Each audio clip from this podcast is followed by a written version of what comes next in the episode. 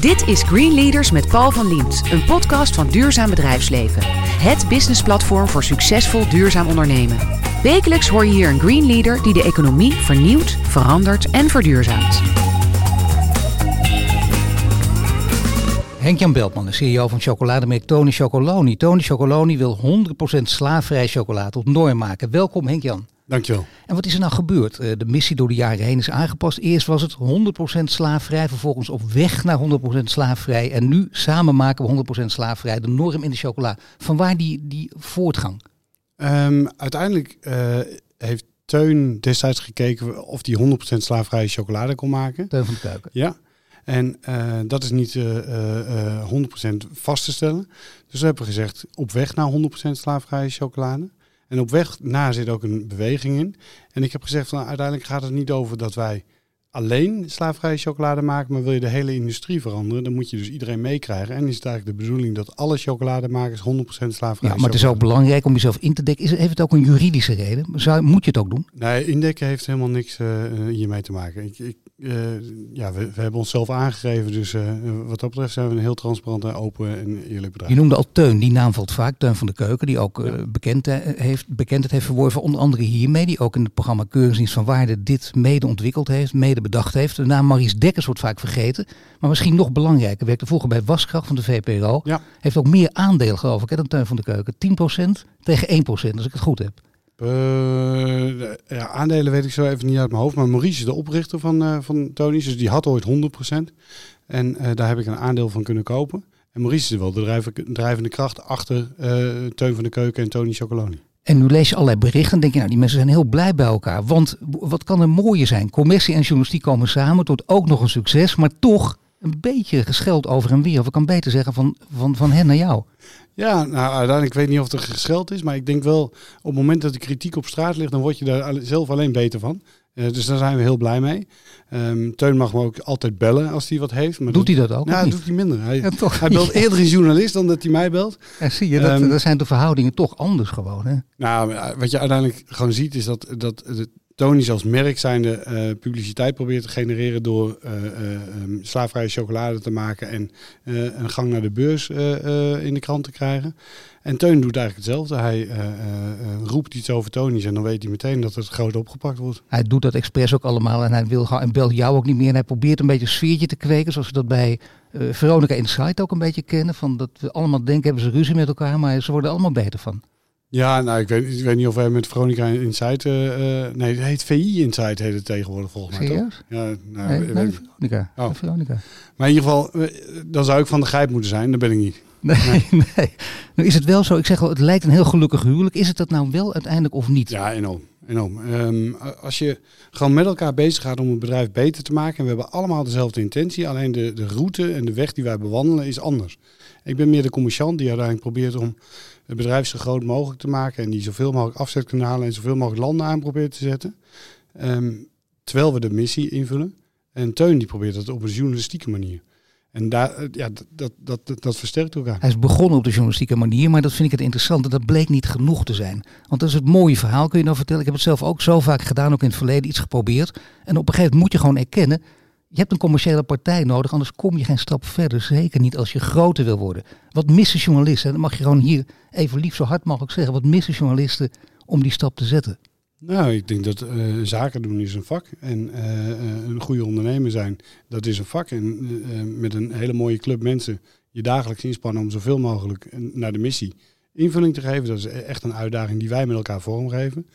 En ik vergelijk Teun altijd met een kleine bootje van Greenpeace dat botst tegen de olietanker. Je verandert wel een klein beetje de koers van die olietanker, maar het is echt maar heel substantieel. Of heel, heel weinig substantieel. En we, wij willen heel graag de loodsboot zijn die ervoor zorgt dat de, uh, dat de olietanker echt van koers gaat veranderen en dat je coöperatief met elkaar een nieuwe route insluit. Het is een mooi beeld en je zegt al daarom is uh, zaken doen een vak. Maar waar bestaat dat vak dan uit? Wat doe je dan? Hoe zorg je dan dat je die impact krijgt en dat je zo groot wordt?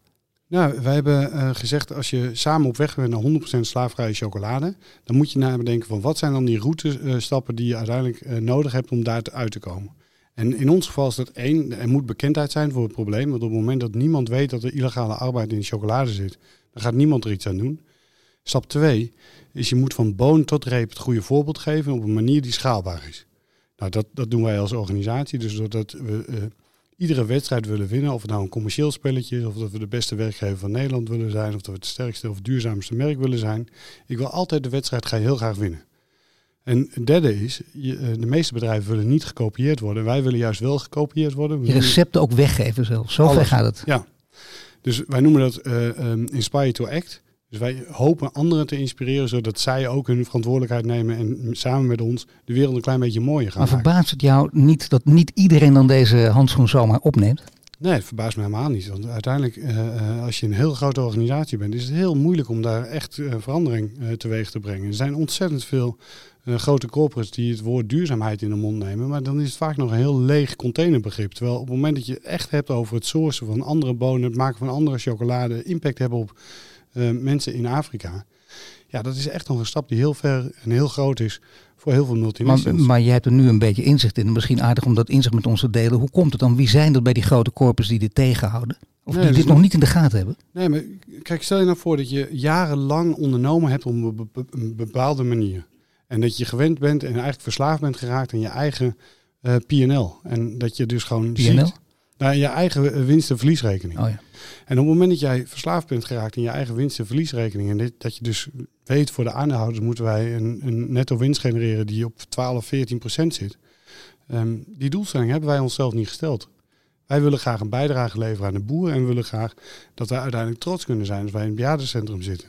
En of je dan schathemeltje rijk bent of niet rijk bent, uiteindelijk als je de juiste dingen gedaan hebt, dan, dan kun je trots zijn. Je wil daarnaast wil je ook uh, echt impact hebben. Dat zegt Teun van de Keuken ook steeds. En daarom benadrukt hij, kijk, je wil gewoon dat die, die, die boeren, die cacaoboeren, het goed hebben. Ja. En het is in al die jaren gewoon niet beter gegaan. Het is zelfs nog slechter gegaan, zegt hij. Ja, is dat, maar- denkt hij dat maar of is dat echt heel hard cijfermatig te onderbouwen? Nou, heel hard is natuurlijk altijd lastig. En hij heeft het over de, de macrocijfers. Dus de hele industrie. Het Ja. aantal gerapporteerde illegale eh, arbeid in de cacaoketen is, is groter geworden. Onze impact is niet zo heel groot. Wij werken met 7.500 boeren samen, daar waar er 2 miljoen zijn in West-Afrika. Nou, dat is nog niet eens een druppel op de gloeiende plaat. Maar die 7.500 die hebben een veel beter leven als wat ze daarvoor hadden. In ehm, Ivoorkust gaat het inkomen met 40% vooruit en in eh, Ghana gaat het met 25% vooruit. Zijn, alle boeren zitten op leefbaar inkomen, alle kinderen gaan naar school. Dus daar is enorm veel gebeurd.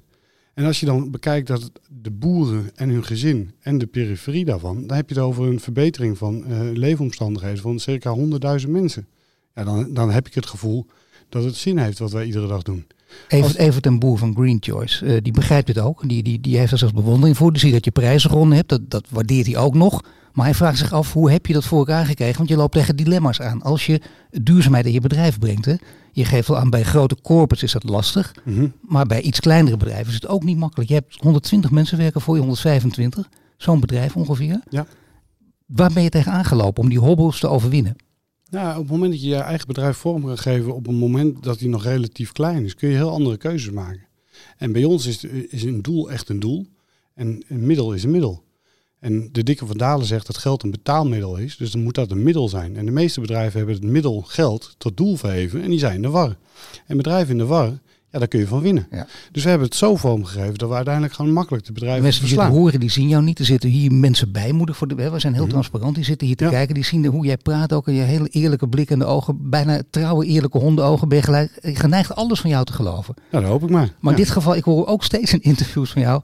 Dat is mijn enige twijfel. Dat je zegt, ik wil hoe dan ook, terwijl je nog jong bent, over vijf jaar ophouden met werken. Ja. Dan denk ik, ja, hij wil toch vooral geld verdienen.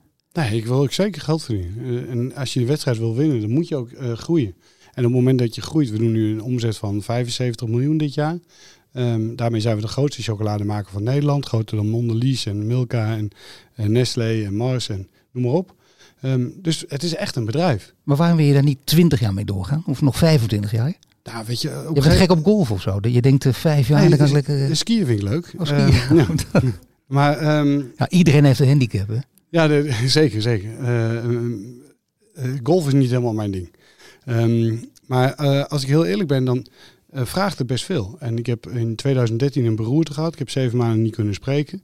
En als je dan eh, ziet welke offers ik breng om uiteindelijk dit bedrijf naar eh, eh, de volgende fase te krijgen, dan vind ik, dan moet ik heel eerlijk zijn waar ik goed in ben en waar ik minder goed in ben. En ik ben niet de initiator. Dat is eh, eh, Maurice en Teun. Die hebben bedacht en eh, dat heb ik over kunnen nemen. Ik ben een ondernemer die naar de volgende fase helpt. En wat je op een gegeven moment merkt is, dat wordt het bedrijf te groot. Ik ben niet de manager, ik ben gewoon die jonge hond die iedere keer weer wat anders verzint. En hoe oud is die jonge hond inmiddels? Ik ben nu 45. Ah, dat is hartstikke jong. Ja, daarom. Hartstikke jong, ja, natuurlijk. We zijn even oud ongeveer. Ja, precies. Goed, Henk-Jan Bilman, hij gaf voor, er wordt opeens gelachen, ik snap er niks van. Henk-Jan Bilman, het is nog donker ook. Henk-Jan Bilman, uh, die geeft dan een voorschotje op het, uh, op het persoonlijke leven. Want hij sprak net over de ambities van zijn bedrijf, zometeen over zijn eigen ambities.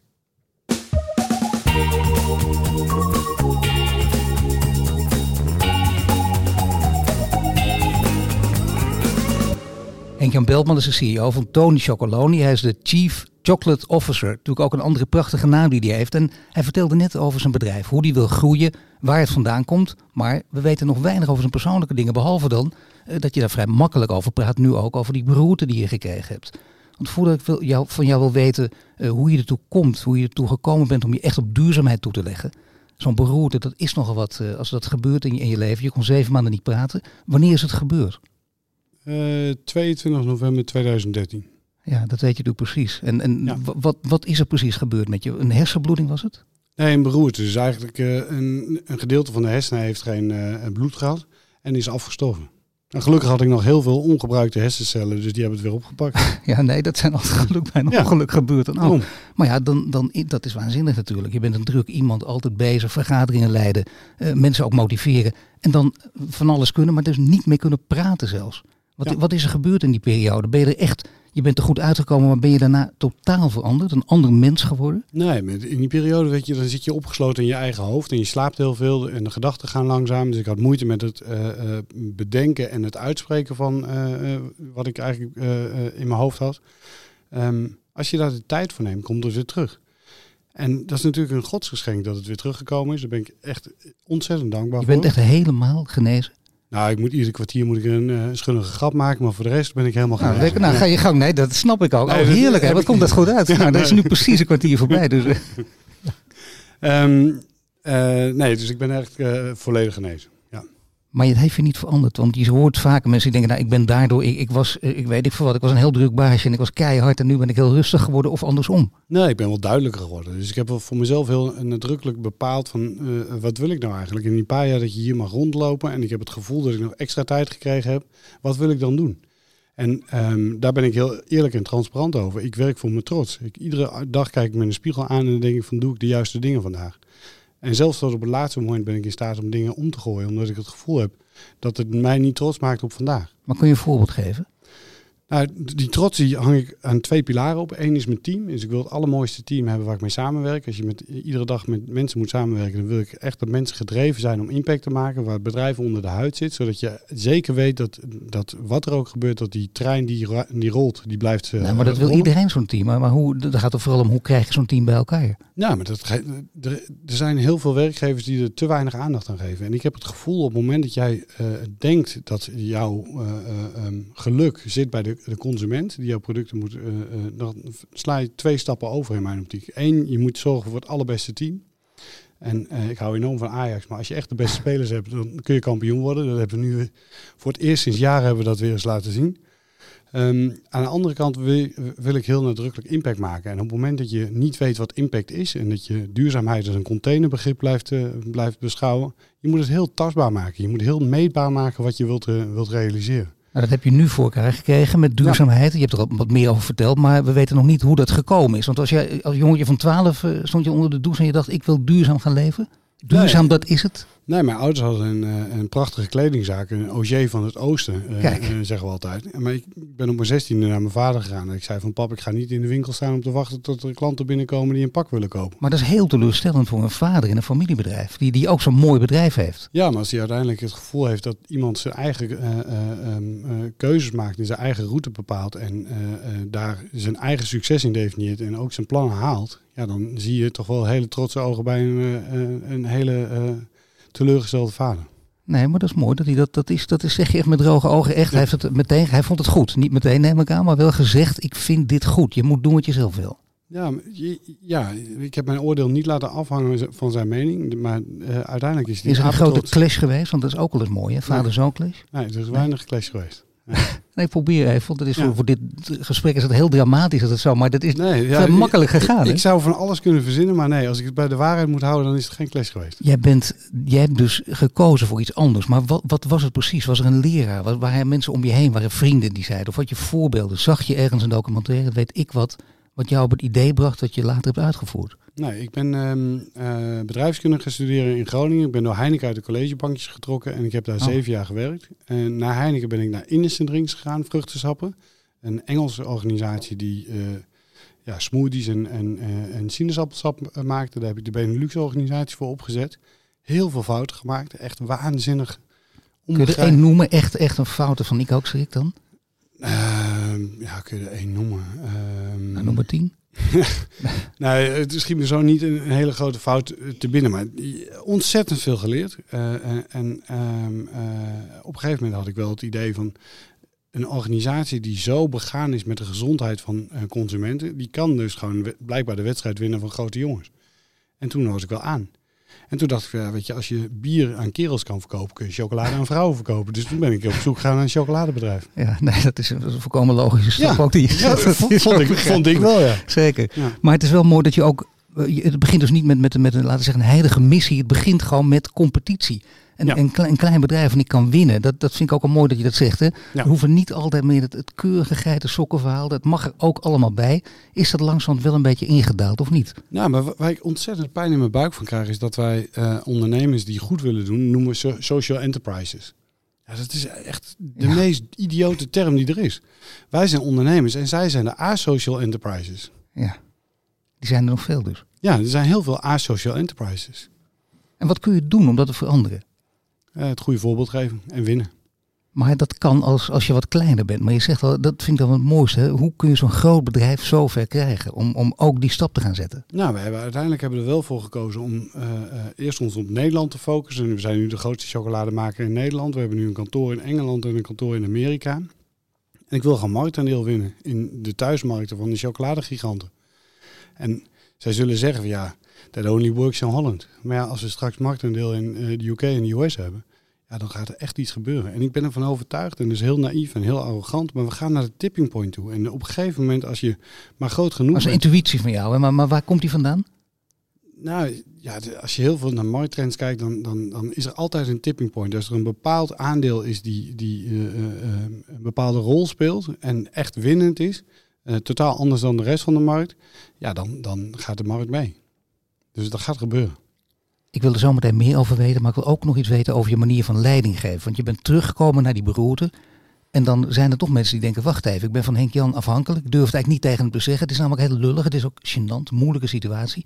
Maar ik wil toch weten of het goed met hem gaat. En of hij nog heel lang met alle kracht dit bedrijf kan, kan bedienen. Ja. Hoe heb je ervoor gezorgd dat je dit zo eerlijk mogelijk tegen je medewerkers kon vertellen? Nou, ik heb eh, ehm, heel nadrukkelijk tegen het team gezegd dat, dat het een avontuur is dat we met elkaar doen. Kijk, als ik hier zeven maanden afwezig ben en je kan in de cijfers niet zien dat ik afwezig ben geweest, ja, dat houdt in dat ik langer op vakantie kan. Ja. En als ik langer op vakantie kan, dan houdt het in dat de organisatie stabiel genoeg is en mij niet meer nodig heeft. En dan ben ik een van de radertjes, net zoals dat het team allemaal a- andere radertjes zijn, die waarde kan toevoegen aan het geheel. En veel meer dan, dan dat is mijn rol niet. Maar je weet zelf wel, ja nee, dat is heel mooi bescheiden. Maar je weet zelf ook dat je natuurlijk heel erg belangrijk bent. Dat je een deel bent van dit bedrijf Ja, valt- ook. Ik bedoel, valt- je treedt ook vrij veel naar buiten. Ja, maar het valt best wel mee hoe belangrijk ik ben. Ik wil heel graag het fundament zijn eh, waar, waar mensen boven zichzelf kunnen uitstijgen. En ik, heb, ik roep ook altijd van zorg nou gewoon dat je fouten maakt. En dat je dingen doet die je zelf niet vermogen acht, mogelijk acht. En op het moment dat je daar invulling aan geeft en dat gaat goed, dan heb je het zelf goed gedaan. En op het moment dat jij op je snuit gaat, dan help ik je overeind. Dus mijn rol is heel erg het fundament zijn. Maar marketing is ook belangrijk daaromheen. Hè? Voortdurend eh, allerlei dingen. Hoe, wat, wat is de, jouw rol in die marketing?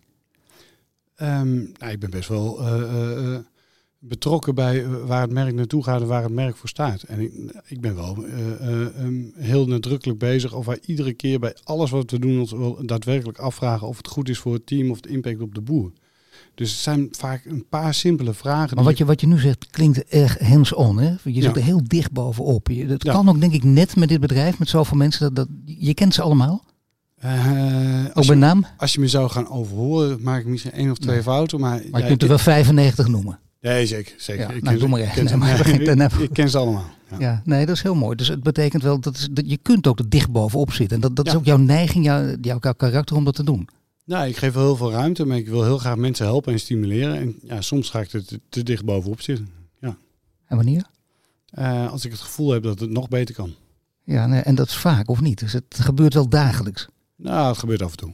Ja. Ja. En, en wat ben je er voor iemand die echt heel driftig wordt? En dan komen we toch weer op een vergelijking die altijd bij jou wordt gemaakt. Die jou misschien wel de keel gaat uithangen. Ja. Dat je een soort eh put and light bent. Ja, ja dat is een, eh, een gevleugelde uitspraak die het heel Ja. goed deed. maar Ehm, die komt ergens vandaan, toch? Nee, die komt zeker ergens vandaan. Ik ben, ik ben best wel bepalend. En eh, ehm, eh, ik denk dat het ook wel heel fijn werkt als er heel erg duidelijk, als er duidelijk de, de grenzen aangegeven worden waarbinnen we ondernemen met elkaar. ja, put and light. Hè? Dat is net zoiets dat je zegt, je bent een kruising tussen, tussen Trump en Kim Jong-un. Ik bedoel, dat, dat, kun je positief beoordelen. Maar dan moet je toch wel echt heel creatief zijn. Ja, ehm, ja, ik, ik, dat ben ik met je eens. Eh, eh, Nee, je mag even niet, tijd. Het is niet de meest duurzame titel die je opgespeeld kan krijgen.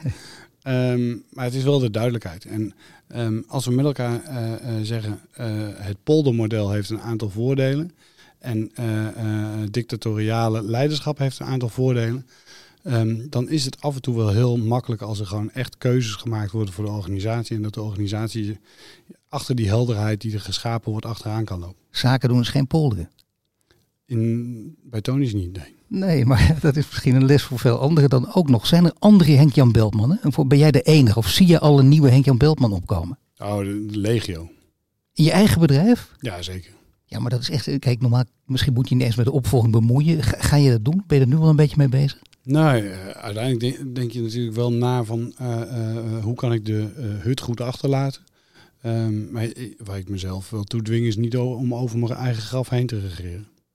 Nee, tuurlijk niet. Tuurlijk niet. Had ik ook niet verwacht van jou. Nee. Ik ga zo meteen verder praten met, uh, met Henk-Jan Beltman van Tony Chocoloni. En dan gaan we ook horen wat hij echt wil gaan doen in de toekomst.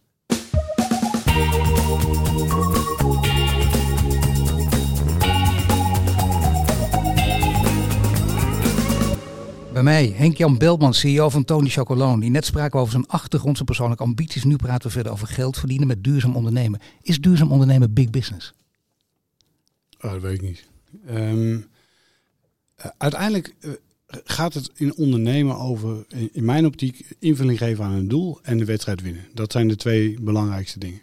En als ik dan heel erg bij mezelf naar binnen kijk van waar word ik trots op en wanneer ben ik tevreden. En ik doe dat altijd door in de schommelstoel te gaan zitten en na te gaan denken hoe ik in een bejaardencentrum erbij wil zitten en waar ik een glimlach van krijg en waar ik hem niet van krijg. En ehm, afgelopen jaar is de initiatiefwet kinderarbeid aangenomen door de Tweede en, en door de Eerste en de Eerste Kamer. Kamer ook, ja. En als ik daar dan naar kijk welke rol we daarin gespeeld hebben, eh, hoeveel advertenties we geplaatst hebben. En ik heb nog nooit een advertentie geplaatst voor een chocoladereep die we willen verkopen, maar wel om deze wet erdoor te krijgen. En dat is gewoon gelukt. Dan denk ik van ja, dat, is- dat is zo gaaf. Als je dan straks terugkijkt en, en je weet dat het strafbaar is om illegaal chocolade uit eh, Afrika te halen, ja, dan hebben wij ons doel bereikt. ja. Nee, dat mag je zeggen. Daar heb je zeker ook een hele grote rol in gespeeld. Zo Ja. groot dat ik denk, dat leek me nou een, een, uitgelezen moment voor Teun van de Keuken om jou weer te bellen. Ja, nee, heeft hij niet gedaan. Maar nou, misschien Nou, kunnen, we- ja. kunnen we het nummer nog een keer eh, Ja, in de eten gooien dat hij me dan doen we bellen even kan. 06 en ja, precies. En dat is nog een belangrijk punt. Hè. Kijk, als je zegt eh, big business weet ik nog niet. Maar uiteindelijk denk ik wel natuurlijk. Je wil zelf ook uiteindelijk overgenomen worden. Voor de grap stuurde je het bericht eh, de wereld in eh, dat je, dat je Ja. een beursgang overwoog. Dat is allemaal niet waar. Maar wel eh, Nestlé, Rollo worden allemaal genoemd hè, die jou gaan overnemen. Ja. Wie gaat het worden? Of Mois? Nee, ehm, kijk, uiteindelijk weet ik niet hoe ik het ga doen. Maar wat ik nu wel merk is dat de organisatie zo groot wordt en dat de, de financiële risico's best wel groot worden. Ehm, eh, dat je wel het gevoel moet hebben dat je een safe haven bent voor de mensen die bij je werken. En ehm, daar, ja, daar, schiet, daar schot het af en toe wel aan. Als je nu merkt dat we best wel afhankelijk zijn en op het moment dat het twee weken mooi weer is, dat in één keer die omzetten tegen, tegenvallen. Ja, dan heb je wel het gevoel van je bent wel kwetsbaar. Ja, dat is wel mensen eh, eten chocola als het koud is. Dat is toch wel een, een directe... Nou, als de zon schijnt, dan is het eh, Nee? eh, echt een stuk minder. Ja. Ik denk dat je het snel opeet voordat die smelt en zo. Maar dat, dat werkt zo niet. Nee, je bent best wel afhankelijk. En die afhankelijkheid vind ik best wel lastig af en toe. Ehm, eh, dus ik heb wel het gevoel dat om de volgende stap, ik wil heel graag een fabriek bouwen. We hebben in, in Zaanstad een prachtig gebouw, De Vrede, gekocht. En als we dat willen gaan ontwikkelen, dan uh, trek ik zoveel financieel uh, um, risico naar binnen. Daar heb ik wel een partner bij nodig die me uiteindelijk kan helpen. Nee, het gaat nu echt over, over echt hele mooie grote dingen. Je vertelt het nog vrij rustig, maar dit is echt, moet je even toch goed vertellen. Want ik bedoel, als ik, ja. ik zeg het even uit mijn hoofd, maar de omzet van ongeveer 55 uh, miljoen. En, en dan gaat zo'n fabriek gaat 120 miljoen kosten. Ja, dit dus dan denk je, dat is disproportioneel. Ja, ja, uiteindelijk weet je, uh, uh, de echte glimlach zit op hele grote dromen. En uh, dit is er een. Omzet dit jaar zal boven de 75, of zo rond de 75 miljoen liggen. Um, en de investering in de fabriek, ja, dat, dat, is 120 miljoen. En ja, die check is net even te groot om die in je eentje te... te ja, denk jij dat zelf of zijn het dan hele verstandige accountants om jou heen die zeggen van nou Henk Jan, nou ga je wel heel snel? Nee, allebei. allebei. Oh, toch allebei? Ja. Nou ja, en, en die, die fabriek, daar weten mensen misschien wel iets van. Hè. Het is een paar keer naar buiten gekomen, wordt dan heel groot neergezet als een... Uh, nou, vooral de achtbaan die je er neer wil zetten, wordt eruit gehaald en het wordt een groot circus genoemd. Wat je vooral wil doen, begrijp ik, is een fabriek neerzetten waar je het hele proces kunt laten zien, van A tot Z. Ja. En alles, dat wil je ook gaan doen. Het moet, wat, wat moet de impact gaan worden? Want er kunnen ook congressen dan gehouden worden en je, je hebt alles bij elkaar. Maar waarom denk je daar vooral veel impact uit te halen? Nou, als je uh, 200 tot 500.000 mensen per jaar kan uitnodigen en vier, jaar, uh, vier uur bij je binnen kan hebben om te laten zien hoe chocolade gemaakt wordt, hoe de impact is die wij sociaal in uh, chocolade willen maken. Um, en ik hoop een inspiratie te kunnen zijn voor andere bedrijven die gestart worden in andere ketens, zodat er uiteindelijk een verduurzaming in de visserij of in de, de mijnbouw of in textiel op zal treden. Um, dat is een bepaalde verantwoordelijkheid die, die wij als suc succesvol dus twee aanhalingstekens de organisatie hebben uh, die een doel nastreeft. En uh, vervolgens wil ik daar de onafhankelijkheid, dus ik wil heel graag dat chocolademakers bij ons chocolade komen maken, een Barry of een Cargill. En ik wil zelf graag repen maken. En als je die dingen samen hebt en, en combineert, ja, dan wordt het bedrijf autonomer en veel minder afhankelijk van andere partijen. En kunnen we veel meer impact maken en dan kunnen we ook hard groeien om uiteindelijk die consument nog steeds meer aan ons te binden. En, en wat mensen dan altijd zeggen, let op, hou focus in de gaten, dat is ongelooflijk belangrijk. Maar hier denk je, hou je toch nog focus in de gaten, je breidt alleen wel noodzakelijk uit. Nou, het, het is een, eh, een stap terug in de keten, uh, door de ja. productie zelf in hand te nemen, en een stap vooruit in de keten, om uiteindelijk gewoon dichter bij die consument te komen. En ik geloof niet in, in tv-reclame of in advertenties, of in, dus dat doen we niet. Wij, wij doen non- above the line commercials. Hoe komt het trouwens dat je daar niet in gelooft? Ik bedoel, dat is, je ziet dat heel veel andere bedrijven dat nog wel doen. Ja. Daar leeft die hele media-industrie ook op, gelukkig. Ja. maar dat heel veel anderen nog wel in geloven, van media, collega's van mij. Maar ja, hoe komt dat jij daar niet in gelooft? Um, ik vind het veel waardevoller dat iemand onafhankelijk uh, zegt wat hij van uh, jouw prestatie vindt, dan dat je jezelf uh, laat zien wat je doet of wie je bent. En een advertentie is altijd een bepaalde uh, uh, beeld van de werkelijkheid. Terwijl ik probeer om zo dicht mogelijk bij de werkelijkheid te zijn.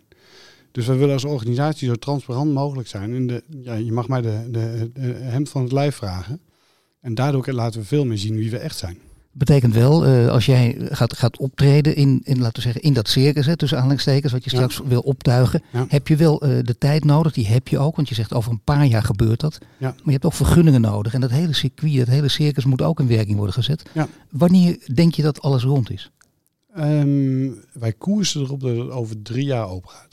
En dat is ook gewoon reëel. Ik bedoel, dan, dan kan ik ook deze opname jou laten horen. Dan zeg je nou drie jaar, dat, 2022, dat, dat zei je ja. toen. Heb je ons beloofd ook, hè? Ja, ambitieus reëel. Ja, ja, ja ambitieus reëel. Dat is een mooie nieuwe uitdrukking trouwens. Dan heb je nog iets. Uh, dat zeg je zelf ook. Uh, ik wil groot worden, ik wil overgenomen worden. En ik hou ook wel van een primeur. Dat, ik vind dat de Green Leaders podcast heeft dat ook nodig. Ja. En, en daar houden we ook van. En jij houdt ook van primeurs. En je bent transparant en open en eerlijk. Ja. Dus misschien wil jij wel zeggen wie je gaat, wie jou gaat overnemen. Ja, Paul, als ik het wist zou ik het meteen tegen je zeggen. Je, dat, ja. dat weet je. Het is Nestlé toch? Ja, als ik het wist zou ik het echt meteen Wa, tegen Wie zeggen. heeft jouw voorkeur? Uh, de organisatie waar ik mee de meeste impact kan maken. En welke is dat? Nou, dat zou een chocoladebedrijf zijn of een, een food multinational of het kan ook een investeerder zijn. Als je bijvoorbeeld, uh, laten we zeggen, ik snap dat het ingewikkeld is, maar toch dan weten we een beetje in welke richting je moet denken. Kun je er twee of drie noemen van je zegt, nou die zijn alle drie heel geschikt, daar zou ik graag door overgenomen worden. Ja, maar ik denk niet dat het heel zinvol is dat ik hier namen van grote chocolademakers noem. Er, nou. zijn, er zijn er vijf, dus dat is niet zo heel moeilijk om... Maar je vindt ze alle vijf, zijn ze je even lief ook en alle vijf in staat om je over te nemen en, en dan heb je ook nog impact. Ja, je kunt waanzinnig veel impact hebben bij een grote chocolademaker. En al die vijf chocolademakers, daar werken uh, echt hele mooie en aardige mensen. Die allemaal gewoon daadwerkelijk naar huis willen gaan en trots zijn, willen zijn op hun werk. Dus de een die maakt vandaag meer impact dan de ander. We zijn allemaal echt 100% integer bezig om impact te maken. Ja, het lijkt dan ook als je dit zegt, dan denk je dat geweldig verhaal. Ambitie, je, je, krijgt nog meer impact, dat moet ook. Overname snapt iedereen, schaalvergroting ook. Mhm. En toch, daar is hij weer, Teun van de Keuken, maar hij niet alleen. Hè. Journalisten in die hoek, die zeggen dan allemaal ja, maar dat is een schaamlab. En dat, dat keert zich misschien ook een beetje tegen. Dat mensen denken, ja, het is een schaamlab en dan doet hij net of hij het voor het goede doel doet. Maar hij casht en hij gaat lekker uh, skiën. Ja, nee, het is allebei waar. Ik ga zeker lekker skiën. Maar het is ook, dat ga je zeker doen. Ja. Maar de schaamlap is ook waar. Nee, maar uh, kijk, uiteindelijk als je een prestatie levert, eh, wat, wat ik enorm vervelend vind, is dat als je de wereld een klein beetje mooier uh, probeert te maken, dan stoppen mensen je in het hoekje van een NGO of dan mag je geen geld verdienen. Terwijl ik juist het gevoel heb, op het moment dat jij de wereld mooier maakt, dan heb je dubbel in het verdiend. Terwijl een organisatie die de wereld niet mooier maakt, waarom zouden die wel winst mogen uitkeren? Dus ik wil absoluut zoveel mogelijk geld verdienen om te laten zien dat het uh, uh, kan. Prima, is jouw volledige gunt. En ik, het ook mooi dat je dit trouwens zegt, want dat hoor je ook weinig. Dat, ik, dat mensen vaak zo denken, ze zijn geen stichting. Hè? Dat, dat, scheelt, dat wordt ook wel eens vaak gezegd. je bent geen stichting. Geld verdienen en dan kun je groter worden en meer impact hebben. Maar de kritiek richt zich ook op, je kunt geen impact hebben als je wordt overgenomen door zo'n hele grote speler. Want zo gaat het vaak bij overnames. Hè? Ja, dat geloof ik niet. Kijk, kijk nou wat Paul Polman de afgelopen jaren met Unilever gedaan heeft. En hij heeft een kapitein aan, het schip staan draaien, aan het, aan roer staan draaien, die echt heel integer een meer duurzame koers wil draaien. En daar wordt hij wel op afgestraft op het moment dat Heinz denkt van hé, hey, die, die, dat is de club die kopen wil. Maar het is wel integer. En ik ben er heilig van overtuigd, en misschien ben ik wel heel naïef en heel arrogant, maar ik heb echt het gevoel dat het tij gaat keren. En dat, dat consumenten niet meer bereid zijn om hun centen uit te geven aan een organisatie die de wereld uitput. En misschien heb jij een mooi voorbeeld ook, als je toch Unilever noemt. Ben Jerry's, eh, ook, laten ze ook een kleinere speler. Als jij overgenomen door Unilever, dat ging even moeilijk. Maar er stond een krachtige man aan het roer. Ja. En die heeft gezorgd dat het, dat het nog meer impact is. Dat is, is dat wat je voor ogen staat. Ja, kijk, ik, ik, ken niet alles van Unilever en Ben Jerry's, maar ehm, dat is wel iets wat van de buitenkant lijkt als uh, uh, wat ik denk van ja, dat maakt je samen meer impact. Ja, absoluut. En Jan Beeldman, ik ga er gelukkig nog even keihard tegenaan. Over vijf jaar mag je lekker gaan skiën. Of in de tussentijd ook af en toe of niet? Ja, een weekje. Oh, toch een weekje. Moet je kijken wat een bescheiden man. Nou, dank je voor dit gesprek. Super. Dit was de Green Leaders podcast, een duurzaam bedrijfsleven. Volgende week weer een nieuwe Green Leader. Dit was de Green Leaders podcast voor deze week. Volg onze website voor meer nieuws over succesvol duurzaam ondernemen. Wil je meer afleveringen luisteren? Abonneer je dan nu via iTunes of Spotify en krijg een melding wanneer er een nieuwe podcast online staat.